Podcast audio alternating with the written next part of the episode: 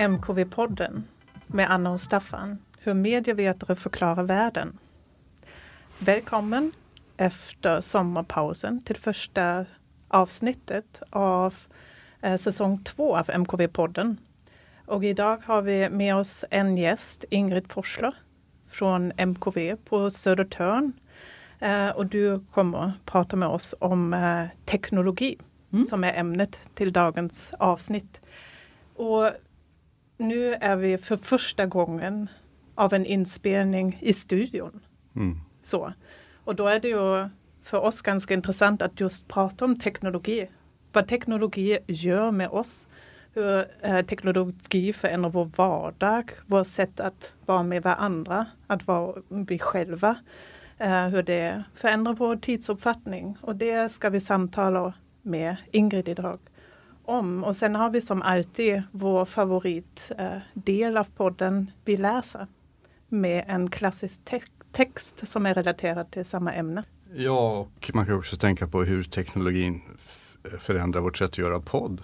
Eller det är det vi står och tänker på just här och nu då. Kommer det att bli annorlunda? Kommer det att låta annorlunda? Eh, när vi gör det så här då. Jag, det var någon forskare jag läste som förutsåg att det kommer att bli ganska mycket oenighet och konflikter när man träffas in real life för att man är socialt ringrostig så att säga. Så det kanske blir lite mer eh, hårdare tongångar. Vi får se om det blir annorlunda. Eh, men den här återgången till, till det normala så att säga efter pandemin då ger ju en möjlighet, som du sa Anna, att reflektera över sånt här, inte minst medieteknologi, inverkan på, på vårt liv. Då. Eh, och att tänka på hur hade det här året sett ut om vi inte hade haft internet och trådlös uppkoppling. Och sådana här saker. Kan vi ens föreställa oss hur det hade sett ut då? Eh, den där typen av frågor. Då. Eh, så vi tar avstamp här lite grann faktiskt i en annan podd som vi lyssnade på. Eh, som en sån här New York Times-podd som heter The Ezra Klein Show. Som i augusti ägnade ett avsnitt åt 40 frågor om teknologi just som hade formulerats av en oberoende forskare som heter Michael eh, Sakasas. Som eh, till vardags publicerar ett nyhetsbrev om just teknologi och samhälle som heter Convivial Society. Eh, och i ett av de här nyhetsbreven hade han redan 2016 publicerat 40 frågor vi bör ställa om teknologi. Om vårt förhållande till teknologi. Och sen publicerade han den igen i somras då med tanke på just pandemins slut. Nu har vi en möjlighet att ställa de här frågorna eh, på ett intressant sätt. Då. Och frågorna är av typen då, jag tänker inte ta alla 40, men av typen vilka mänskliga vanor kommer den här teknologin att främja? Hur kommer den här teknologin att påverka min uppfattning av tid och rum? Hur påverkar den hur jag relaterar till andra människor, till min omvärld? Skulle jag kunna tänka mig att leva utan den här teknologin? Vilka lärdomar om mig själv eller andra har jag fått av den här teknologin? Vilka möjligheter för handling har öppnats eller stängts av den här teknologin? Är det bra eller dåligt?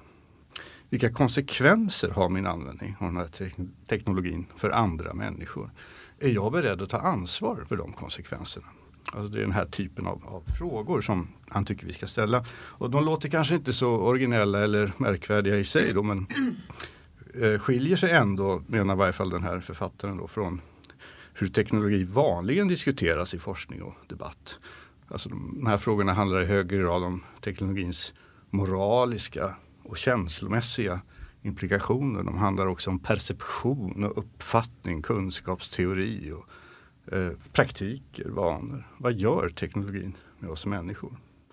Och på det sättet är de ju ganska klart influerade av, av det som inom MKV brukar kallas för mediumteori. Då.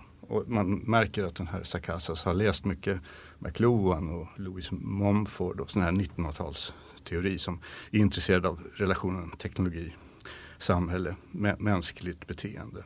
Vi kan inte prata om alla men vi har ju tittat lite på den här listan av frågor.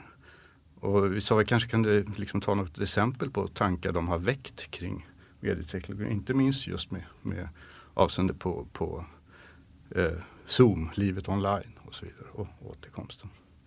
Så har, har ni någon? Mm. Nej, men det, det som jag tyckte var roligt, alla frågor som du har läst upp ja. är exakt samma som jag också skrev upp. Okay. Och det är ändå 41. Ja. Och du läste upp kanske 7, 8. Ja. Mm. ja. så det, det, är ändå intressant att vi har lagt märke till samma områden som diskuteras. Mm. Uh, förutom uh, två aspekter som du inte har tagit upp som jag tyckte också är intressant. Mm också med tanke på mediumteori då. Och det är nämligen att det finns också en fråga kring eh, alltså vilka resurser har det krävt ja, för att tillverka exakt. den här mm. teknologin. Och vilket arbete har lagts ner för mm. att ta fram mm. teknologin. Mm. Alltså lite de undangömda aspekterna mm. kring teknologier som vi inte så ofta tänker om när vi använder en dator. Vilka resurser, vilka fossiler och så vidare har behövts för att tillverka den mm. här, mm. eller vilka människor har varit inblandade i att tillverka just den här datorn mm. eller pennan eller mm. boken på något sätt. Mm. Så det, det, är en sak som jag funderade kring. Men sen tänkte jag också när du diskuterade frågorna som har slagit dig som intressanta mm. från listan eller som särskilt mm. spännande. Att det har ju också relevans för just ditt forskningsområde. Mm. Inte bara Zoom-närvaron men du sysslar ju med skolan och lärande Ingrid. Mm. Uh, så kanske du kan reflektera kring just frågorna uh, som Staffan har tagit upp och hur det har relevans uh, för, din, för ditt arbete, för din forskning, vad du har sett i ditt arbete. Mm. Ja, alltså det är ju intressant det här som ni tar upp också att det är någonting som man börjar tänka på nu under pandemin. För så upplevde jag också verkligen mm. att det var. Den här, min avhandling handlar ju då om eh, hur olika teknologier eller medier möjliggör undervisning. Och just den här avhandlingen då handlar ju om bildundervisning men det gäller ju förstås om all typ av skola och lärande. Och det där, eh, på något sätt så blev det väldigt tydligt tror jag för alla under den här pandemin att man kan säga det och det liksom, ja, det, det, kan vara intressant för vissa men de flesta kanske tänker på undervisningsteknologi på ett annat sätt som verktyg som man kan använda med ett visst mål till exempel. Men jag tror att när det här skiftet kom så plötsligt så blev det så blev det uppenbart för alla att det verkligen gör någonting med hur vi organiserar och förstår kunskap. Så att, jag tror att det var en fråga i den här listan också. Eh, hur omformar teknologi vad vi kan veta till exempel mm. och i sin tur då hur skolan eh, ja, organiserar utbildning och förstår vad som är kunskap också. Mm. Det skulle kunna ha varit en fråga på listan. Det kanske inte var det, jag tror att det var men, du som skrev liksom, den Staffan. Ja, kanske. Ja. Men, men jag menar om man kokar ihop dem så är det ju en fråga som ja. man kan ställa till teknologi. Ja. Mm. Kanske särskilt nu då. Mm. Men och samtidigt har ju kanske också pandemin, för det, innan pandemin fanns det ju många idéer och föreställningar kring hur teknologin ska mm. användas i skolan och hur, sko hur skolan ska digitaliseras. Och pandemin har kanske inte bara visat uh, att det går att ställa om men också sån worst case scenario. Mm. Vad, som man, vad det är man tappar genom distansundervisning och uh, som där teknologin inte kan komma in mm. och vara en förlängning eller ersätta. Eller att man också måste tänka om pedagogiken och sättet att undervisa när det just sker digitalt. Men jag tänker att du kanske kan berätta lite mer om just din avhandling mm. uh, och mm. det du har sett där. Absolut, den heter ju uh, Enabling Media, eller det är huvudtiteln på, på avhandlingen. Och det funkar ju bättre på engelska än på svenska helt klart. Men, så det handlar helt enkelt om det, alltså hur media å ena sidan möjliggör olika typer av undervisning och lärande men också hur lärare då fungerar som någon slags eh, mediearbetare eller infrastrukturarbetare och, och i sin tur då möjliggör de här medierna eller mediemiljöerna. Men, men mer konkret då så handlar det om bild, det är en, en uh, jämförande studie mellan Sverige och Estland och bildundervisningen där och hur den kan man säga har förändrats historiskt i relation till olika medieteknologier. Och det är ju ganska, det är ganska nära förhållande kan man säga. Det hette ju till och med teckning innan i Sverige så det var ju verkligen en sån här kulturteknik. Det mm. hette som kulturtekniken och nu heter det bild då till exempel som är inte en kulturteknik men en, alltså en medieform kan man väl säga.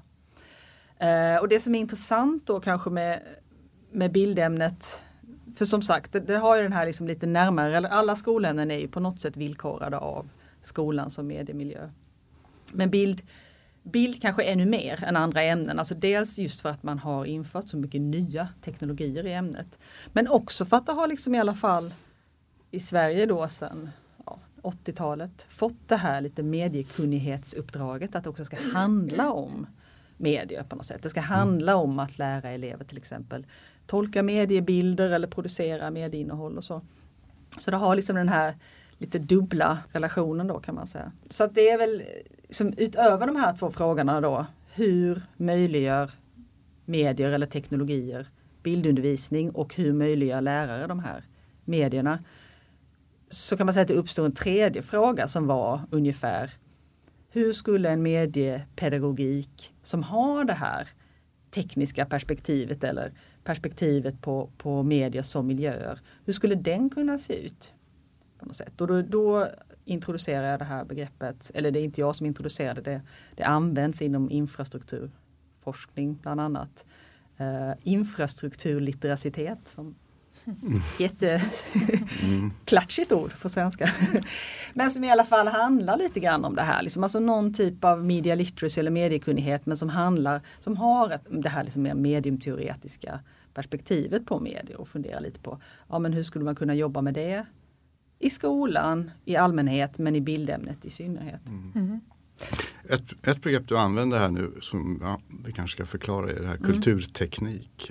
Mm. Eh, alltså, eller du, Använder jag det? Eller? Ja, du ja, använder det. det. Ja, okay. mm. Säg gärna någonting om vad det är. För det är en slags senare variant av mediumteorin då, att man, man talar om kulturtekniken. Mm, ja men det är det och det är ju liksom ett tyskt spår kan man säga men som har lite samma de refererar inte så mycket till varandra. Det är liksom mm. två olika traditioner kan man säga men det har väl man har väl, det har väl diskuterats nu att det, att det bygger på lite samma utgångspunkt kan man säga. Och en kulturteknik kan man säga det är väl egentligen det som kommer innan ett medium till exempel. Så att läsa kan vara en kulturteknik som kommer innan boken till exempel mm. eller innan ordbehandlaren mm. eller vad det nu mm. kan vara. Och bild är ju då så intressant för att det innehåller ganska många kulturtekniker. Mm. Alltså teckning är ju en kulturteknik. Fotografi är en kulturteknik som som förekommer, lådkameran, kameran, digitalkameran och också andra medier då som bygger på mm. foto. Så att jag tyckte att det var som ett användbart sätt att tänka, alltså det, det räckte inte riktigt liksom med det här eh, mediumteoretiska när det gällde bildämnet utan mm. det här med kulturteknik blev väldigt, väldigt användbart. Så. De som skriver om det kan ju också skriva om dörrar och, ja, och kartor, alltså det är väldigt brett begrepp då, ja. på något sätt bredare än vårt vanliga mm. medie och teknologi. Precis och det andra begreppet som du kommer tillbaka till ganska mycket är ju infrastruktur. Mm. mm. Mm. Kanske vi kan också prata lite kring det begreppet, så vad det har för roll inom eh, MKV, medie och kommunikationsvetenskap. Ja men det kan vi göra. Jag tänkte bara, jag kom på en sak till om kulturteknik som kanske är viktigt att de har ju, alltså om eh, McLuhan och de här mediumteoretikerna, de går ju långt tillbaka, de är intresserade av eh, hur samhället formats i relation till olika medier. Men det här kulturteknikbegreppet går kanske ännu längre, alltså de har mm. verkligen den här civilisationsidén. Så det är därför dörrar blir intressant mm. och plogen till exempel. Så här, mm. Hur skiljer vi mellan natur och kultur? Så hela tiden mm. den här liksom eh, hur man skiljer liksom på saker och delar upp det och kategoriserar och så. Det har ju varit liksom lite trend, så kanske det blir när man skriver en avhandling. Det har ju varit lite trendigt begrepp och det har ju infrastrukturer också varit så. Mm. Det är kanske ännu mer infrastrukturer mm. skulle jag säga.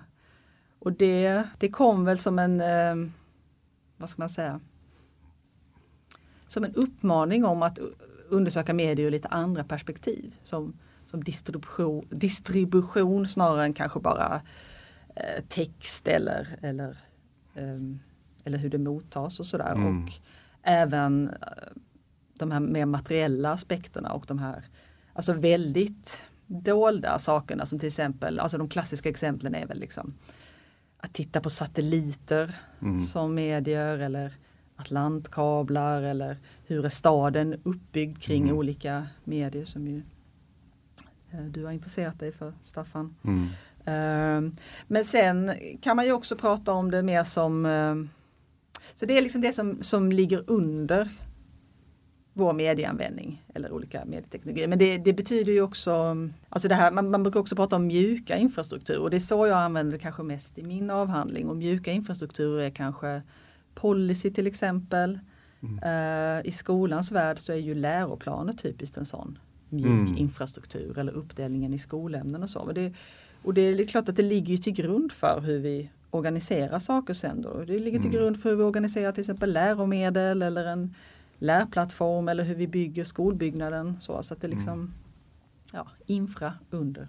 Så där har vi två viktiga begrepp som ju också präglar ganska mycket forskning som bedrivs här på Södertörn, MKB Mm. på Södertörn. Eh, men eh, utifrån det du har sett i, i din egen forskning som du har gjort för din avhandling i kombination vad vi har lärt oss från pandemin. Mm. Ser du framtidens skola, alltså den ideal, den utopiska idén kring skolan och teknologi? Ja, jag vet inte men man kan ju hoppas att Alltså du, jag tyck, du sa Anna att eh, ja, den här pandemin har, har gjort att vi lagt märke till att det inte alltid blir så bra som man tror. Alltså det har liksom punkterat lite de här fantasierna om digitalisering och så. Men ja, det har det väl gjort men det har ju också visat att det spelar roll överhuvudtaget. Mm. Så på något sätt att det har Mm. liksom, Mm. jag tror det har blivit någon slags höjd medvetenhet om att det spelar roll om vi har undervisning via Zoom. Det spelar roll eh, hur vi eh, kommunicerar med, våra, med, med elever eller studenter och sådär. Så, att, så det skulle väl vara min förhoppning. Att den här medvetenheten håller i sig, att man liksom på något sätt tar lite mer genomtänkta beslut Mm. när man digitaliserar Mm. skolan. Mm. För att inte göra det tror jag, det är väl ingen som tror att, att vi kommer liksom på något sätt att, att sluta använda oss av digitala teknologier. Men man kan göra det på ett lite mer medvetet sätt. Liksom. Mm. För att, Mm. Han pratar ju om det ibland, skolans digitalisering, som att det är någon process som bara pågår. Liksom. Att vi ska, ja. Ja. men den här, vi ska haka på. Mm. Den är liksom nästan naturnödvändig. Ja, nu måste vi göra om Mm. skolan för nu finns det digitala. Och också ganska full av, av sådana här, ja, ganska mycket optimistiska idéer Ja. om vad, vad, vad teknologi kan göra med lärande. Eh, Mm. Alltså om man tittar på sådana här planer för, för framtiden Mm. så, så är de ju ganska så här, teknikoptimistiska. Mm. Eller, för att inte säga teknikdeterministiska. Att, att Ja. det här ska liksom, eh, man förutsätter att det här kommer ha väldigt stora effekter. Men, Ja. men kanske inte pratar så mycket om hur, alltså jag hade ett sån här gymnasiebarn hemma som alltså ett och ett halvt år av tre år i gymnasiet har, Mm. har tillbringats eh, på, eh, i sovrummet via en dator. Mm. Eh, Det måste ha några typer av konsekvenser. Eh, Det, det verkar gå bra sådär men, men man tänker att det här, det här kommer liksom att ta, Mm. de här att ta med sig i livet Ja. på olika sätt då, som erfarenhet som är annorlunda än, Mm. eh, än andra typer av skolgång. Ja, precis. Men det är ju sant att det kanske blir en mer nyanserat sätt att förhålla sig till digitalisering än det var innan när det är mest sån strategi och stora visioner. Mm. Mm. Utan att det finns ehm, så mycket relation till just verksamhet och på Mm. golvet och Ja. hur de lärarna sen omsätter det. Men att man nu har sett både fördelar och nackdelar men också hur pedagogiken måste anpassas och så vidare. Nu kommer jag att tänka på en sån här, om jag får ta den, en sån här reflektion över, nej, inför de här frågorna. Alltså Mm. hur, hur tänker vi annorlunda på medmänniskorna och omvärlden? Och inte minst den här optimismen som har funnits kring Mm. det digitala. Jag tror det var 2009 så var jag på en sån här MIT-konferens. Och MIT är liksom centret för internet och väldigt mycket. Och, eh, eh, och det här var liksom precis när Youtube kom och Instagram. och Så det var fullt av liksom sådana här framtidsvisioner. Mm. Och jag skulle tala om historisk tv. Det var liksom totalt blanka ögon. Alla ska tala om det. Men då hade just John Durham Peters, apropå Mm. infrastrukturalism, ett öppningsanförande som hette Vad hände med ensamheten? Mm. Alltså, vad hände med ensamhet som kategori när alla håller på och pratar om det här, vi ska koppla upp oss hela tiden. Och så hade han någon slags spaning som var att han tyckte samtidigt nu då 2009 så fanns det en slags nostalgi tillbaka till eh, alltså massamhället, till 50-talet, till den här liksom alienationen Mm. eh, som vi kände då inför medierna. Och det var, alltså hans exempel var här Mad, Mad Men, tv-serien och Revolutionary Road. Men också att alla läste så här Den ensamma massan av Da- David Mm. Riesman och Raymond Williams och Jacques Ellul. Sån här liksom massamhället-teori. Och, eh, och där, där vi liksom, det var som att vi visste vad det var att vara ensam. Helt enkelt. Man gick på en storstadsgata och trängdes med människor. Men man kände ingen av dem. Mm. Eller man satt och tittade på tv med miljoner människor men ingen var i samma rum. Och då fick man en känsla av liksom vad ensamhet var. Mm. Och hans liksom, spaning var då, vi, kan, vi längtar tillbaka till det Mm. till den känslan, för då vet vi åtminstone vad ensamhet var. Ja. Men nu när vi kan liksom trycka på knappar, vad, vad händer då med ensamheten? Mm. Eh, men det var just när jag läste de här frågorna och eftersom det är kanske nu vi skulle ställa den här frågan. Vad hände med ensamheten Mm. Ja. under ett och ett halvt år när vi var så uppkopplade? ja, precis. Ja. Och det tror jag är en fråga som många ställer sig. Ja. Och då vill jag visa tillbaka eller hänvisa tillbaka till ett avsnitt om eh, disconnection som vi Just det, för det, det nedkoppling Ja, som mm. vi hade i förra säsongen. ja, Och jag tror att det kommer massa sådana fenomen av digital detox Ja. och perioder där man undviker ja, just det. digitala sociala medier och så vidare. Eller i alla fall Ja. är det många som har pratat om det också Ja. under pandemin. Mm. Men jag tänker vi närmar oss ett slags slut av det, Mm. den här delen av Mm. podden. Och den här delen avslutar vi alltid med en liten spontan fråga till vår gäst Ingrid. När du tänker teknologi, är det någon låt som kommer upp i ditt huvud? Om man tänk, jag tänker också på John Duran Peters och det här hur han betonar allt, att, ehm, teknologi som tråkiga, liksom det som vi inte riktigt lägger märke till. Så då tänkte jag på Being Boring med Pet Shop Boys. Mm. Never be boring.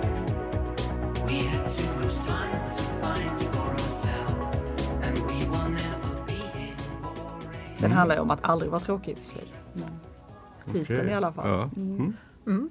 Ja, det var, Fine. det var en bra låt. Mm. Och då går vi över till den populära delen vi läser. Och till podden idag har vi ju läst en klassiker. Nämligen CTS Classroom, Understanding Language and Media. eh, från Marshall McLuhan. Den var det du som började prata om först, vill jag minnas. I, eh, tidigt. Var många av oss som läste McLuhan. Men det här, Mm. den är inte en av hans mest liksom, kända böcker. Men eh, du, du får gärna Ja. berätta. Nej, alltså jag, vad jag har förstått så var den inte Fick den inget genomslag alls när den kom. Den, man brukar säga att det är hans sista bok, den kom 1977 och det är inte han som har skrivit den själv utan han har skrivit den med sin son Erik och Catherine Hutchon som är alltså en lärare som har haft Marshall McLuhan som lärare i sin tur. Då. Och det är alltså en, eh, det är en slags lärobok som ska vara för high school då, alltså högstadiet, gymnasiet. En lärobok i, i mediekunnighet skulle vi säga nu då, eller medievetenskap. Men, men den har ju verkligen ett sånt McLuhanskt sätt att se på medier så att den handlar ju om den handlar om radio, den handlar om, om, om press och sådana saker men den handlar också om satelliter, glödlampor, kläder, eh, pengar och så. Så att jag tycker att den är ganska rolig och den påminner ju, jag antar att det var Mm. därför ni valde den, den påminner ju väldigt mycket om de här frågorna som Mm. ställs i den här podden till teknologi. Och den är ju eh, på något sätt så, ja den är ju ganska typisk McLuhan att det är liksom otroligt mycket, liksom. det är väldigt mycket frågor. Det finns ju inte en chans att man skulle kunna använda den här som lärobok heller. Liksom, utan det är mer som en sån idématerial Mm. kan man säga. Men jag tycker ganska mycket om det. Jag tycker det är roligt liksom att han, att, eller de ska jag säga, tar det här greppet och funderar på okej, det här mediumperspektivet, eh, det är inte bara någonting som liksom tillhör eh, forskningsvärlden eller liksom högskolan utan det är ett sätt som vi skulle kunna prata om medier i mediepedagogiken. Så. Mm. Mm. Precis, och man kanske kan säga lite mer hur den är uppbyggd. Du nämnde redan att Mm. den påminner om de där 41 frågor Mm. kring teknologin. Men den, det är ju ett sammelsorium av Ja. frågor. Det kan Mm. man säga. Nej men den, alltså den, den har ju, som jag sa, den har ju det här breda, eh, breda definitionen av medier som någonting som förändrar vårt sätt att vara i världen kan man säga. Och sen har den också en annan sån här eh, huvudpoäng hos McLuhan, nämligen att medier, eftersom de utgör den miljö som vi är i, så lägger vi inte riktigt märke till dem. Det är väldigt svårt att studera mediers effekter. Men de har effekter, de, de formar vårt hela sätt att vara så.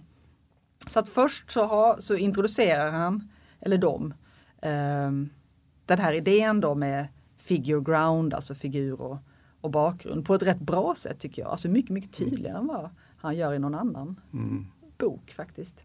Och sen kommer det då två kapitel som har 16 tror jag, 16 delkapitel som är väldigt korta och då är det liksom, det är uppdelat då på olika medier. Det är, jag kan läsa här kanske. Det är bilar, tidningar, eh, alltså newspapers och magazines, böcker, elektriskt ljus, foto, film och så vidare. Men också eh, då klockor, flygplan, satelliter, pengar och så vidare. Och då ställer de ett antal frågor till de här medierna, alltså ett antal frågor som ska få eh, läsaren eller eleven då att förstå, liksom, att, att se bakgrunden till de här medierna kan man säga. Och sen kommer det ett kapitel till där de tar ett omtag på samma medier. Men där det mer är, alltså det första delen handlar om att okej, vad är det här för något? Vad, vad har det liksom på något sätt, hur har det omformat världen? Och det andra kapitlet är mer sådär, ja men hur har det, vad har det för effekt då? Mm. På dig och det är ganska så här. Och det är ju inte liksom abstrakta frågor utan de är också kopplade till eh, väldigt konkreta uppgifter och ibland helt eh, saker som är ganska far out, till exempel gör din egen pergamentrulle Mm. och känn efter vad är skillnaden att läsa på pergamentrullen och läsa på skrift eller Mm. bygg din egen lådkamera eller filma en föreläsning i ditt klassrum och klipp ihop den. Och sådär. Mm, Så det är ju ganska omfattande och, och ganska så här experimentella eh, lektionsupplägg som, som föreslås i den här men som som liksom inspiration och som konkretion Mm. av de här lite abstrakta tankarna så tycker jag att den är väldigt rolig läsning. Mm. Det är rätt mycket ljud också. Ja, det är mycket ljud. Apropå de här experimenten. just det. Gå runt och spela in Ja. eh, snuttar av dialog i Mm. skolan. Eh, transkribera dem. Eller först Mm. klipp ihop dem, transkribera dem, läs dem högt i klassen Mm. och sen lyssna på tejpen. Vad händer i övergången? Alltså det är rätt spännande Mm. eh, övning kan man tänka sig. Ja. Ja, jag tycker också just titeln CTS Classroom säger väldigt mycket om strategin eller sätt, Mm. angreppssättet hur man ska studera media. Att Mm. det är just att klassrummet blir ju hela stan på något sätt. Mm. De ska gå Mm. ut och hitta experter och ställa frågor Mm. till dem. Det handlar inte om att undersöka medierna i samma rum. Men Nej. att det är också Mm. överskridande att hela stan är Ja, vårt klassrum. Mm. Mm. Och vi ska lära Ja. oss kring media där. Och där finns nog den här kopplingen till de här 40 frågorna särskilt tror jag. För Mm. den här alltså Convivial Society, titeln kommer tydligen från Ivan Illich, Convivial, eh, Mm. alltså pedagogen. Som ju skrev om just det här eh, Deschooling Society, ta bort skolorna för vi lär oss utanför skolorna. Eh, vilket McLuhan alltså direkt eh, blir intresserad av men han tycker det är en naiv idé. Utan det är, det snarare använd skolorna som någon slags experimentverkstad för, för det lärande som försiggår utanför skolan. Det är väl liksom det som, som blir tanken och kopplingen då. Alltså det känns ju rätt samtida på det sättet för jag tycker det där är också en diskussion som fortfarande förs. Vad, ska, vad har skolorna för roll i vår informationssamhälle? Liksom? Alltså, och då säger ju han där i slutet, det är ganska fint att ja, vi har ju alla svar kanske. De får vi inte i skolan, de kan vi få här utanför i Mm. det här staden då. Men skolan ska vara en plats där vi ställer frågorna till staden. Mm. Så. Mm. Det, är ganska, ja, det är ganska fint tycker jag. Mm. Och det, också det här konkreta. Alltså, Mm. Han börjar ju också i, liksom inne i klassrummet på något sätt och säga vad, vad gör du här, det vill säga studenten. Arbetar du? Eller Mm, just det. are you doing time som i ett fängelse? Mm. varför, varför sitter du och riktar blicken framåt mot en tavla? Alltså, så, så där liksom barnsligt enkla frågor och de blir ju effektiva. Om du skulle säga en sak som du tar med dig från läsningen till din egen undervisning. Vad skulle det vara? Mm, till min egen undervisning, alltså det jag gillar mest med den här det är ju precis det som Staffan tog upp nu. Att de också riktar blicken mot skolan som mediemiljö, för det gör man ju nästan. Det, det är ju ganska ovanligt faktiskt i, i så här media literacy undervisning. Alltså det handlar mycket om att, att titta på medier utanför skolan, reklambudskap, eh, nyhetsrapportering och så vidare. Men här är det väldigt många saker som, som utgår från det här. Vad gör du här i din skolbänk? Tänk eh, hur hade det sett ut om vi hade tagit bort alla böcker från skolan och så vidare. Så. så det kan man väl använda sig av faktiskt och jag tror att ganska många gör det nu. Mm, Speciellt i vårt också. ämne har ju varit mycket Ja. sådana reflektioner. Jag tänk nu, här sitter vi Ja. framför Zoom och, och vad, Ja. vad betyder det? Och så, så att, Ja, just det här, vad skulle hända om man tog bort? Vad, Mm. vad skulle hända om man tog bort alla klockor? Frågar ju sig. Det. Eh, liksom. och, och en eh, som jag tyckte var framsynt fråga som var om vi över en natt tar bort alla datorer, alltså Mm, 1967, hur kommer vi då föreställa oss framtiden? Det. Det var spännande. Kunna, om, om vi verkligen inte har några datorer, några sätt att göra projektioner av data, hur skulle vi tänka på framtiden? Så det finns ju också, förutom det konkreta, finns ju det här liksom spekulativa Eh, och med stora historiska linjer och sådär. Mm. Det finns ju ganska mycket man hajar till. Jag tänkte också på det här eh, som också fanns som du tog upp om de här frågorna det här med, med resurser. Det finns faktiskt också Ja, där han tar upp och det. säger är det, vad är det för mineraler vi använder för fotografi? Just det. det Vad händer jag. om de tar slut? Och Ja, det känns så- också så här, vem, men, vem har tillgång till dem? Ja, eller? Precis. Och, men sen är det om man skriver liksom 750 frågor så kommer det vara några som slår an liksom, som, är, som man känner igen från diskussioner idag. Och så, så Ja. att det är väl det som gör att den känns så här lite profetisk också. Det är så mycket så det är väl alltid något man fastnar för. Ja. Men, men, men det- det finns vissa grejer där som är väldigt framsynta. Men också historieskrivningsmässigt tyckte jag var några frågor som man hajar till för. Till exempel eleverna ska ta reda på när uppstod det regler och lagstiftning för fotgängare i det amerikanska samhället. Alltså hur man går. Du får inte gå på det eller det sättet. För det är ju, och det är ju tanken är förstås att det är bilen som har skapat det här. Alltså det, det, det är, så djupt går bilen att man måste skriva lagar för hur vi rör oss när vi går. Eh, Eh, Men det där sättet också att ställa historiska frågor Mm. är, är eh, intressant tycker jag. Fi- Figure ground. Mm. Alltså det är ju, det, jag har precis den upplevelsen som du sa innan att man får aldrig riktigt kläm på den här Nej. distinktionen. Man läser hundra gånger, vad fan menar han? Eh, Men eh, han, han hörde till de som kunde säga, eller på någon fråga om hans teorier sa han, jag har inga teorier om någonting. Jag bara observerar. Tryck, krafter, jag bara tittar på grejer. Och de här frågorna ligger ganska nära, Mm. han vill få eleverna att bara observera. Liksom. Inte tänka så mycket teoretiskt kanske. Jag, jag läste att han också fick i uppdrag att skriva en läroplan, Ja. 59, som sen inte användes. Och då tänker jag också sådär, ja nej, det kanske, det, det, är, det är också svårt att se hur eh, Ja. man skulle ha tid att göra någonting av det här i dagens skola. Men det är synd också, alltså någonting. Det, Men det, det finns är något. den här Understanding Media som var väl den stora hitten liksom, Ja. 64. Den lär ju ha, det, ha någon Mm. slags uppdrag från utbildningsdepartementet i Kanada. Säg någonting om det här. Och då blev det inte så mycket om skolan. Men han Mm. Nej. hade alltid den här kopplingen Ja, eh, till, eh, till pedagogik. Då. precis. Men då är det kanske ditt uppdrag Ingrid att skriva den där läroplanen. Ja, jag Ja, det. gjorde du, ja. Jag gjorde det sist i min ehm, eh, Det var också för att jag har ju presenterat den för lärare på fältet vid tillfällen. Och då får man den här frågan, okej, men vad har det här för betydelse för oss? Vilket ju är en jättebra fråga. Så. Ja.